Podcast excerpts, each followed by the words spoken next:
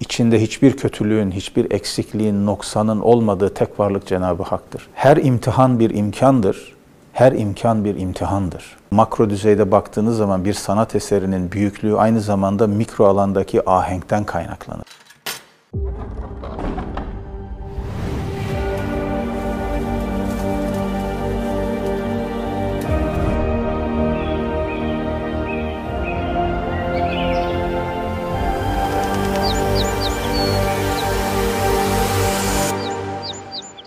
Hocam hoş geldiniz. Hoş bulduk. Nasılsınız? Hamdolsun, çok şükür. Adet olsun diye sormuyorum. İnsan bazen gerçekten merak ediyor. Nasıl diye. gerçekten nasılsınız? Ee, bir hadiste Peygamber Efendimiz e, inanan kişi her hal ve şartta iyidir diyor. Ala külli halin. Ee, çünkü e, insan içindeki iyiliği muhafaza edebiliyorsa dışarıda ne yaşanırsa yaşansın kötülükle mücadele eder, çirkinlikle mücadele eder ama o kötülüğün ve çirkinliğin iç dünyasını karartmasına da hiçbir zaman müsaade etmez. E, ilginçtir bu e, yaklaşım e, Seneca adında Romalı bir filozof var biliyorsunuz ikinci yüzyılda yaşamış. Neron'un da hocasıdır kendisi. E, bir yerde buna benzer bir ifade kullanıyor e, iyilerin başına hiçbir zaman kötü bir şey gelmez diyor. Kötülük gelebilir. Yani insan iyi insanların başına da yani kötü şeyler gelebilir. E, kötü niyetli insanlar onlara kötülükler yapabilir. Ne bileyim malı mülkü çalınabilir. Haksız yere e, mahkemeye çıkabilir ki Nero'nun e, şeyin e, Seneca'nın başına da hayatının sonunda bu gelmişti maalesef. E, ama özü itibariyle iyi insanların başına kötü şey gelmez. Çünkü zıtlar bir araya gelmez diyor. Yani iyi insanda kötü hal olmaz. İnsan eğer bunu arzularsa gerçekten iç dünyasında, ruh dünyasında, zihin dünyasında bu iyiliği korumayı bir hedef olarak koymuşsa önüne, etrafında yaşanan kötülüklere karşı tabii ki mücadele eder, onları def etmek için çaba sarf eder, iyilerle bir arada olur ama e, o kötülüğün kendi iç dünyasını karartmasına, kötüleşmesine, kötüleştirmesine de müsaade etmez. E, prensip olarak da bizde kötülük meselesi böyle ele alınmıştır. Yani neden e, dünyada kötülük var? E, hayrı da şerri de yaratan Cenab-ı Hak e, hayrı yarattığı anlıyoruz. O onun mutlak hayrının, rahmetinin e, bir tecellisi ama kötülüğü neden yarattı?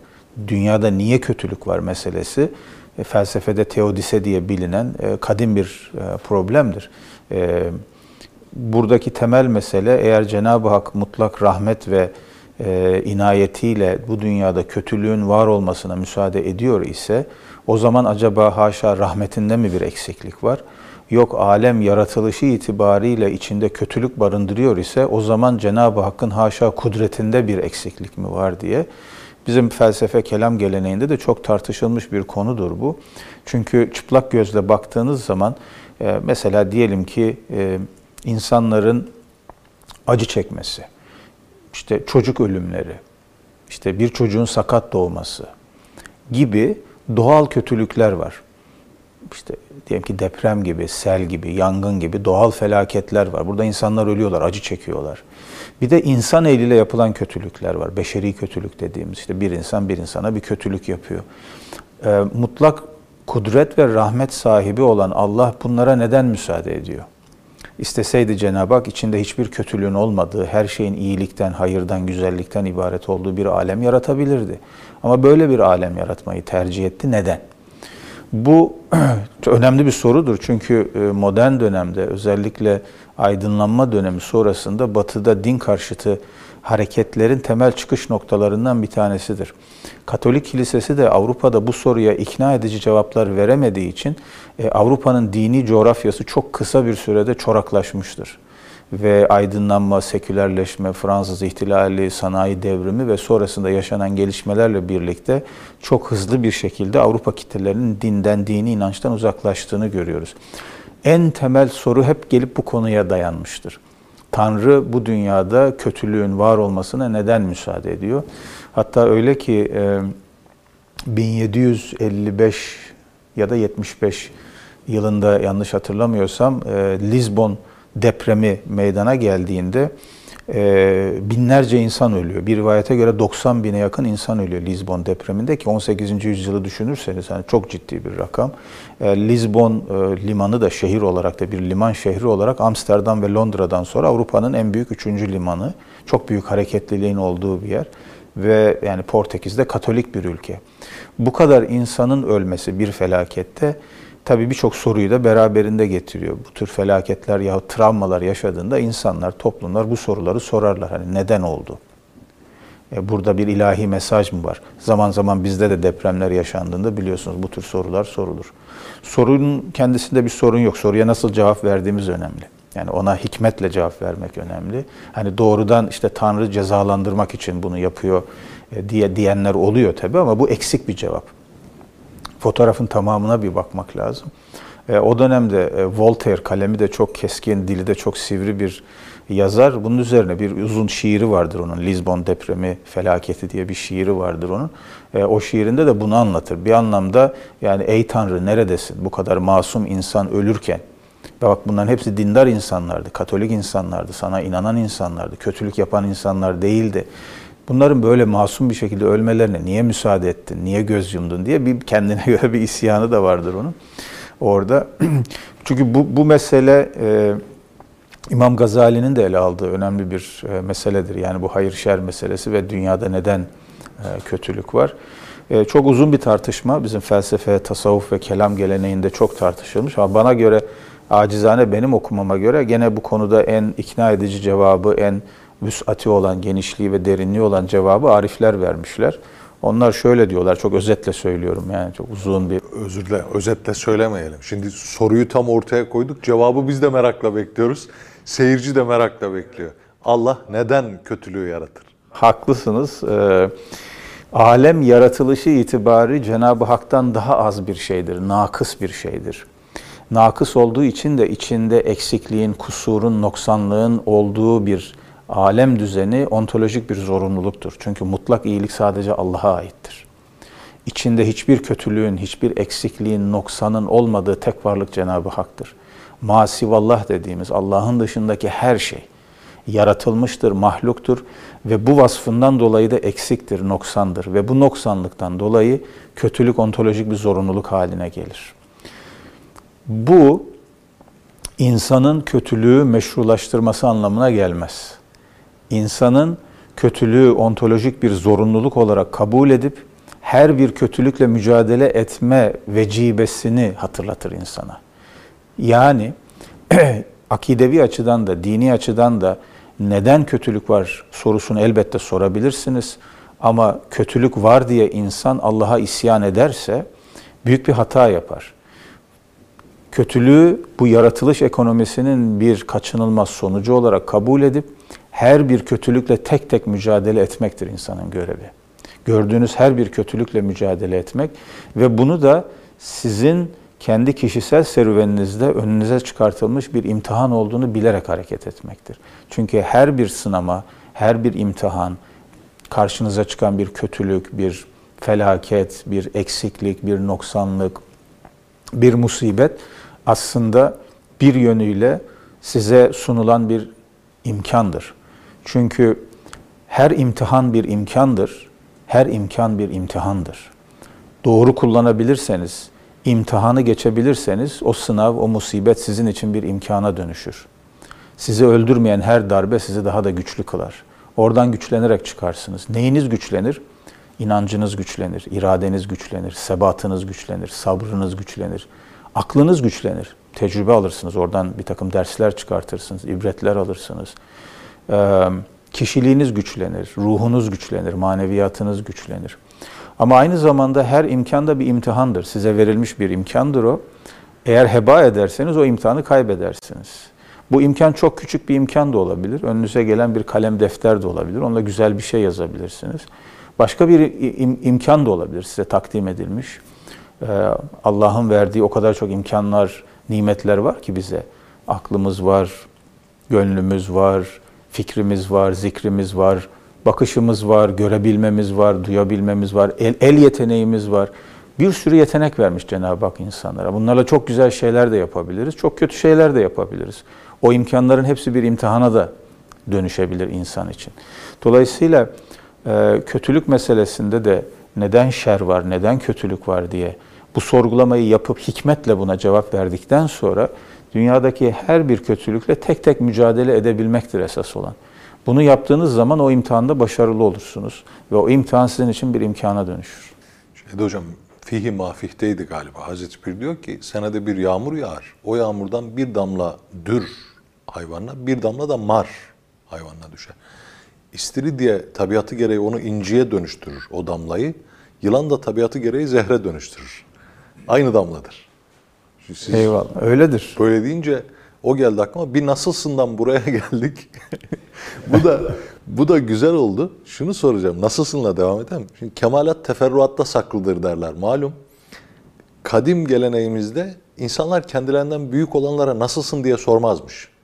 Çünkü nasılsın diye sormak o kişinin hakkıdır ki diyor.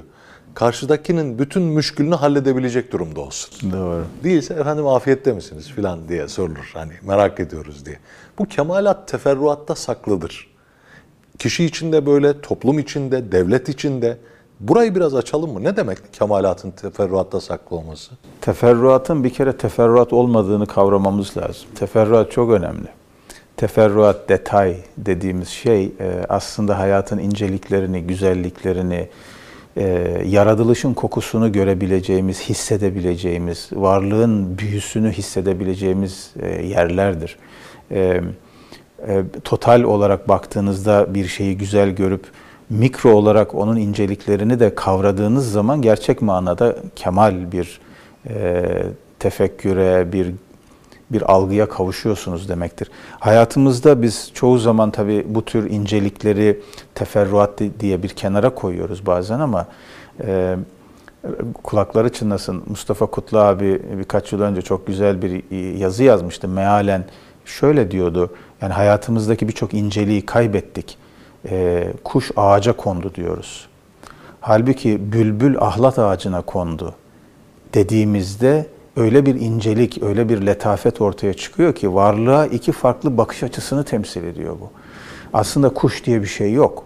Kuş bir cinsin adı.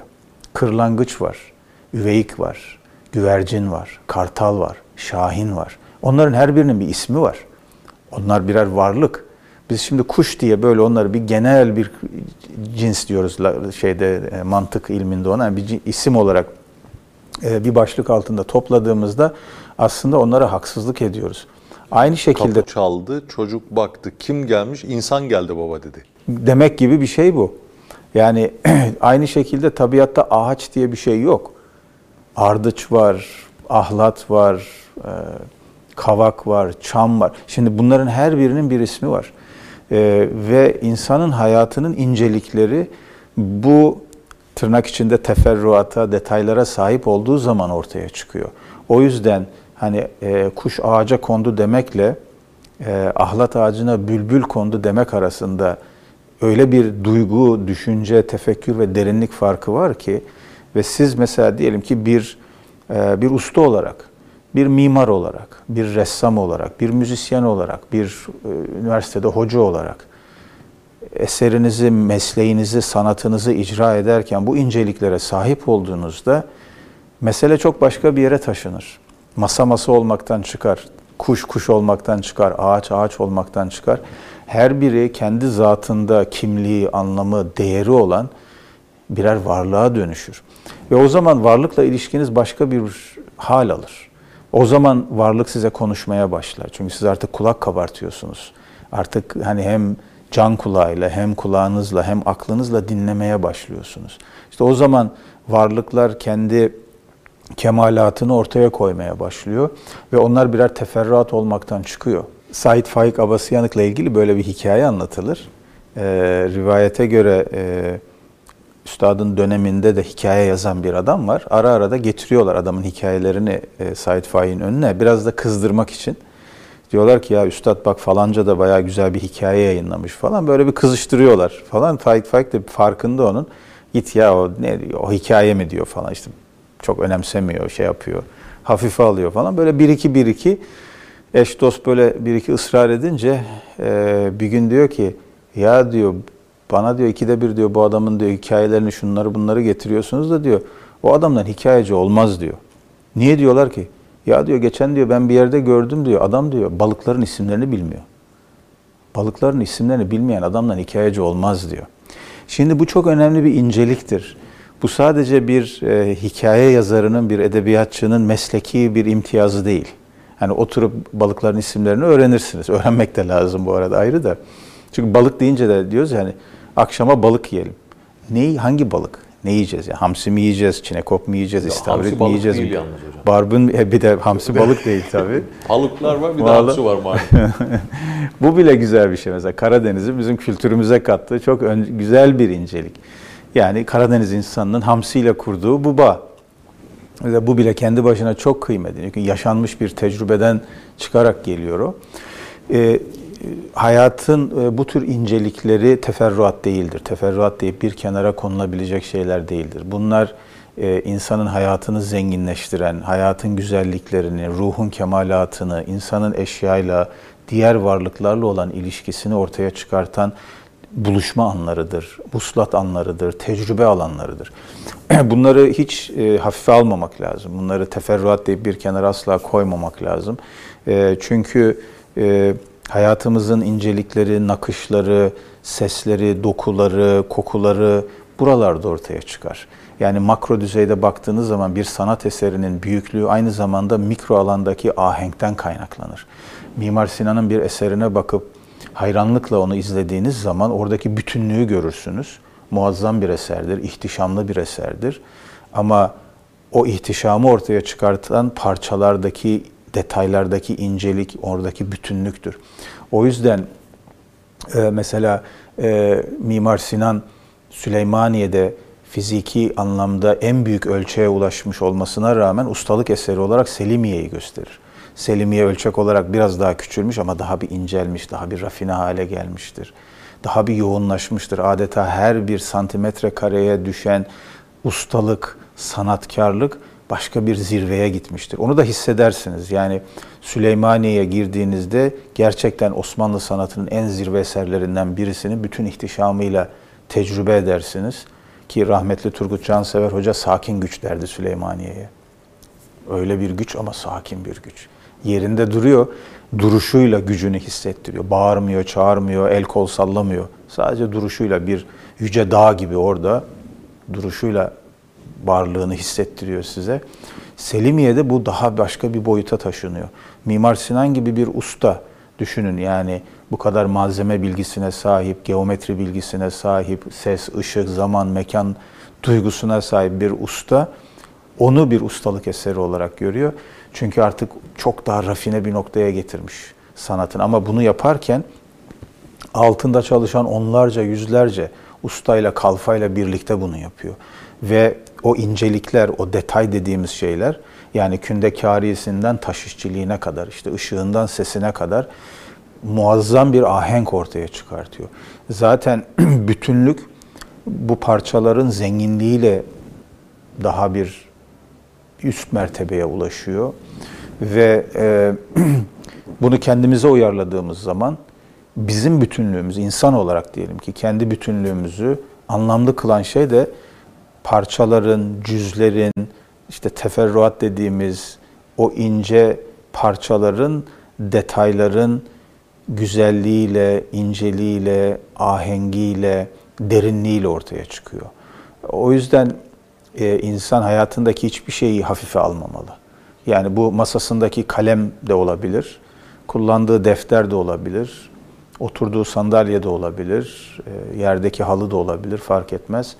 E, kendi hayat alanını inşa eden bu incelikleri bir estetik idrak düzeyine taşıyabiliyorsa e, insan hem total manada hem detay olarak hayatının incelikleriyle birlikte güzel bir hayat yaşayabilir. Hocam yani insanın oluş bağlamında bunu ele alırsak, insan önce büyük meselelerini halleder, sonra bu teferruatlarla oluşuna bir estetik kıvam mı kazandırır? Yoksa bu teferruatları hallede hallede büyük meselelerini de halledecek duruma mı gelir? Burada bir paradoks var mı? Öncelik sonralık hikayesi yoksa ikisi birlikte mi yürür? Şimdi büyüklüğü ortaya koyan da küçüklerin insicamıdır, bütünlüğüdür, derinliğidir. Bu ikisini birlikte düşünmek lazım. Bazen biz e, büyük meseleleri halledelim, ondan sonra öbür ufak konulara geliriz diyor diyoruz ama zihnimizde neyin büyük, neyin ufak mesele olduğu konusunda bazen yanlış bir takım hiyerarşiler, sıralandırmalar e, olabiliyor. E, örneğin e, binamızı önce büyük yapalım diyoruz ama e, oraya ilişkin estetik tasavvurumuzun detaylarında sorunlar varsa binanın tek başına büyüklüğü meselemizi çözmüyor. İkisi makro ve mikro bakış açılarının birlikte aynı anda yürümesi gerekiyor. Bu insanın birey olarak kolektif yapılar içerisinde hareket etme kabiliyetiyle de ilgili bir şey. Ben birey olarak bireyliğimden vazgeçmek istemiyorum. Bireysel yeteneklerimden, özgürlüğümden. Çünkü benim yapabileceğim katkı o topluluğa, o cemaate, o çalışmaya, o sınıfa, o gruba, o projeye benim bireysel yeteneklerim de şekillenecek. Ben o yeteneği oraya getirmek istiyorum, o katkıyı yapmak istiyorum. Ama bunu yaparken aynı zamanda o kolektif yapı içinde ahenkli bir şekilde hareket etmek istiyorum. Benim dışımda kolektif bir yapı yok ki. Sen ben biz biz bir araya geldiğimiz zaman o kolektif yapıyı inşa ediyoruz. Biz oraya eklemlenmiyoruz, monte olmuyoruz. Kolektif dediğimiz şey bizim bir araya gelmemizle, cem olmamızla, beraber birlik olmamızla ortaya çıkıyor. Dolayısıyla oraya benim ne getirdiğim birey olarak bütünün şeklini, rengini, akışını da belirliyor. O yüzden hani önce bütünlüğü kuralım sonra parçaları yerine koyalım değil. Parçalar bütün ikisi bir arada gidiyor. Oradaki en ince nokta e, bütün her zaman parçaların toplamından daha fazla bir şeydir. Bir araya geldiği zaman yani sadece dört tane diyelim ki bardağı ya elmayı yan yana koyduğunuzda bir elma, iki elma, üç elma, dört elma olmuyor. Dört elmayı bir araya koyduğunuzda dörtten daha fazla bir şey çıkıyor ortaya. Ne çıkıyor? Bir öğün yemek çıkıyor mesela. Yemeğin üzerine yenen bir şey çıkıyor. Elma üzerine bir sohbet çıkıyor. Elmanın tarihi, şimdi uzatabiliriz bunu yani bütün yönleriyle baktığınız zaman. Dolayısıyla bütün her zaman parçaların toplamından daha fazla bir şey. Böyle baktığımızda tek tek bireyler bir araya geldiğinde bizim toplamımızdan daha fazla bir şey ortaya çıkıyor. Felsefede biz bunu varlık mevcudatın toplamından daha fazla bir şeydir diye ifade ediyoruz. Vücut dediğimiz var olma eyleminin kendisi tek tek var olan nesnelerin toplamından daha fazla bir şey. O yüzden de insanın varlık arayışının merkezinde bulunan temel soru tek tek nesnelerin fiziksel özelliklerini ortaya çıkartmak değil onların var olma eyleminin anlamını kavramak. Ve var olmak da ancak bütün bu nesneler birlikte düşündüğünüz zaman var. Tek başına güneş diye bir varlığı düşünün. Böyle bir şey var değil mi? Bir yıldız. Bizim galaksimizin en parlak yıldızı, hayat veren ışık kaynağı. Ama bakın sadece bu bir iki cümlede bile güneş bir galaksiyle, ışık kaynağıyla, yansıdığı dünyayla birlikte anlamlı. Dolayısıyla bu bütünlüğü kurabildiğiniz oranda varlığa ilişkin anlamlı cümleler kurabiliyorsunuz. O yüzden felsefede ve genel olarak hayatımızda indirgemecilik çok büyük bir felsefi hatadır. Ee, büyük bir sapmadır. Yani bu bütünlüğü kalkıp parçalardan birine indirgemeye kalktığınızda bütünlüğü kaybedersiniz. O zemini ortadan kaldırırsınız. Aynı şekilde bu toplum içinde böyledir. E, bütün e, kolektif ortak projeler içinde bu böyledir. Bir milletin tarihini, kimliğini inşa ederken de böyledir. Bir milletin tarihinde şüphesiz zirve, yıldız isimler vardır. Ama o bir akıştır. O akışın içinde anlamlı hale gelir o zirveler. Onlarla birlikte düşündüğünüz zaman bütünlük anlamlı hale gelir. Dini yorumlarken de böyle mi mesela edille-i şer'iye diyoruz. Orada da bu bütün bakışa galiba ihtiyaç var değil mi? Kesinlikle e, yani Peygamber Efendimizin hayatına baktığınızda, ashab-ı kiramın hayatına baktığınızda, İslam'ın nasıl yaşandığına e, baktığınızda e, Medine pazarı ile Mescid-i Nebi'de yaşananların aynı akışın bir parçası olduğunu kavradığınız zaman hayatın bütünlüğünü de doğru anlamaya başlıyorsunuz. Yani mescitte başka türlü, pazarda başka türlü hareket etme şansınız yok. Çünkü ilahi buyruk diyor ki Allah gökyüzünde mizanı bak nasıl inşa etti, nasıl kurdu, nasıl yükseltti. Sen de öyleyse pazarda ölçüp biçerken, tartarken o mizana tartıya dikkat et. basit bir tartı işlemi yani pazarda 3 kilo 5 kilo mal alıp satarken yapacağım bir eylemin metafizik referansı Cenab-ı Hakk'ın yeryüzünde kurduğu, alemde kurduğu, gökyüzünde kurduğu mizana dönüşüyor.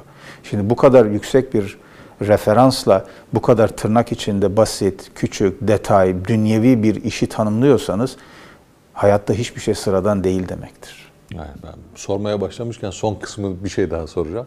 Şimdi bir okumada çok şaşırmıştım. Osmanlı dönemi hastaneye yakın camilerde sabah ezanı erken okutuluyor. Niye? Hastalar sabahın olmasını bilmiyor, ağrı dinmiyor. Erkenden imsan girdiği ilk vakitte ezanı okuyorlar. Belki Şafi'ye mutabaatla. Ve hasta sabah oldu diye seviniyor. Kendi kendime demiştim ki ya bir devlet bütün büyük meselelerini ne kadar halledebilmiş olmalı ki buna dahi eğilecek rikkat sahibi olsun. Devlet için de bu böyle mi? Önce Tabii. büyük meseleler hallolacak ama sonraki teferruat işte o devleti devlet yapacak. Elbette yani eş zamanlı yani büyük meselelerle ekonomik, siyasi, güvenlik ve diğer konularla ilgilenirken aynı zamanda vatandaşların temel ihtiyaçlarını, taleplerini dinlemeniz, bunları yerine getirmeniz son derece önemli. Bu yüzden mesela yerel yönetimler devlet yönetiminin de en temel unsurlarından birisidir. Merkezi yönetim birçok şeyi planlarken bunu aynı zamanda yerel yönetimlerin gündeme getirdiği, dile getirdiği konuları esas alarak yapar. Çünkü vatandaşla birebir dokunan, konuşan, her gün onun içinde olan yerel yöneticidir. O insanların aktardıklarıdır, talepleridir. Bir mahallede, bir semtte yaşanan bir hadisedir. Yani büyük fotoğrafın içinde bunun bir kıymeti yok. Bu, bu önceliğimiz değil diyemezsiniz. Yani bir yerde bir sorun varsa gidip onu da eş zamanlı olarak çözmek zorundasınız. Zaten büyük meseleleri, o küçük meseleler ortaya çıkmasın diye çözmeye çalışıyorsunuz. Dolayısıyla bütün bunlar insana hizmet için var. Yani devlet yönetiminde de asıl olan her bir bireyin tek tek temel ihtiyaçlarını karşılayacak, meşru ve makul taleplerini karşılayabilecek bir yönetim mekanizması inşa edebilmektir. Bunu yaptığınız zaman işte dediğim gibi mahalleden yani muhtarından devlet başkanına kadar herkes aynı hizmet çizgisinde buluşur. Hedef bir, vatandaşa hizmet etmek. Bunu yaptığınız oranda da devlet güçlü bir devlettir. Yani devlet olarak siz falan falan alanlarda çok iyisiniz, çok güçlüsünüz ama örneğin çöp toplayamıyorsunuz. Ama örneğin sağlık hizmetini veremiyorsunuz. Ama örneğin okula giden çocuklara servis sağlayamıyorsunuz. İşte bu olmaz. Şimdi yani o gökteki yıldızlara bakarken hani e, önündeki çukuru görmeyip oraya düşen e, Mecnun'a dönüş, dönmek anlamına gelir. Allah korusun. Yani bu bu ikisinin dengesini çok iyi korumak lazım. Yine denge. Teşekkür ediyoruz hocam. Eyvallah. Eyvallah.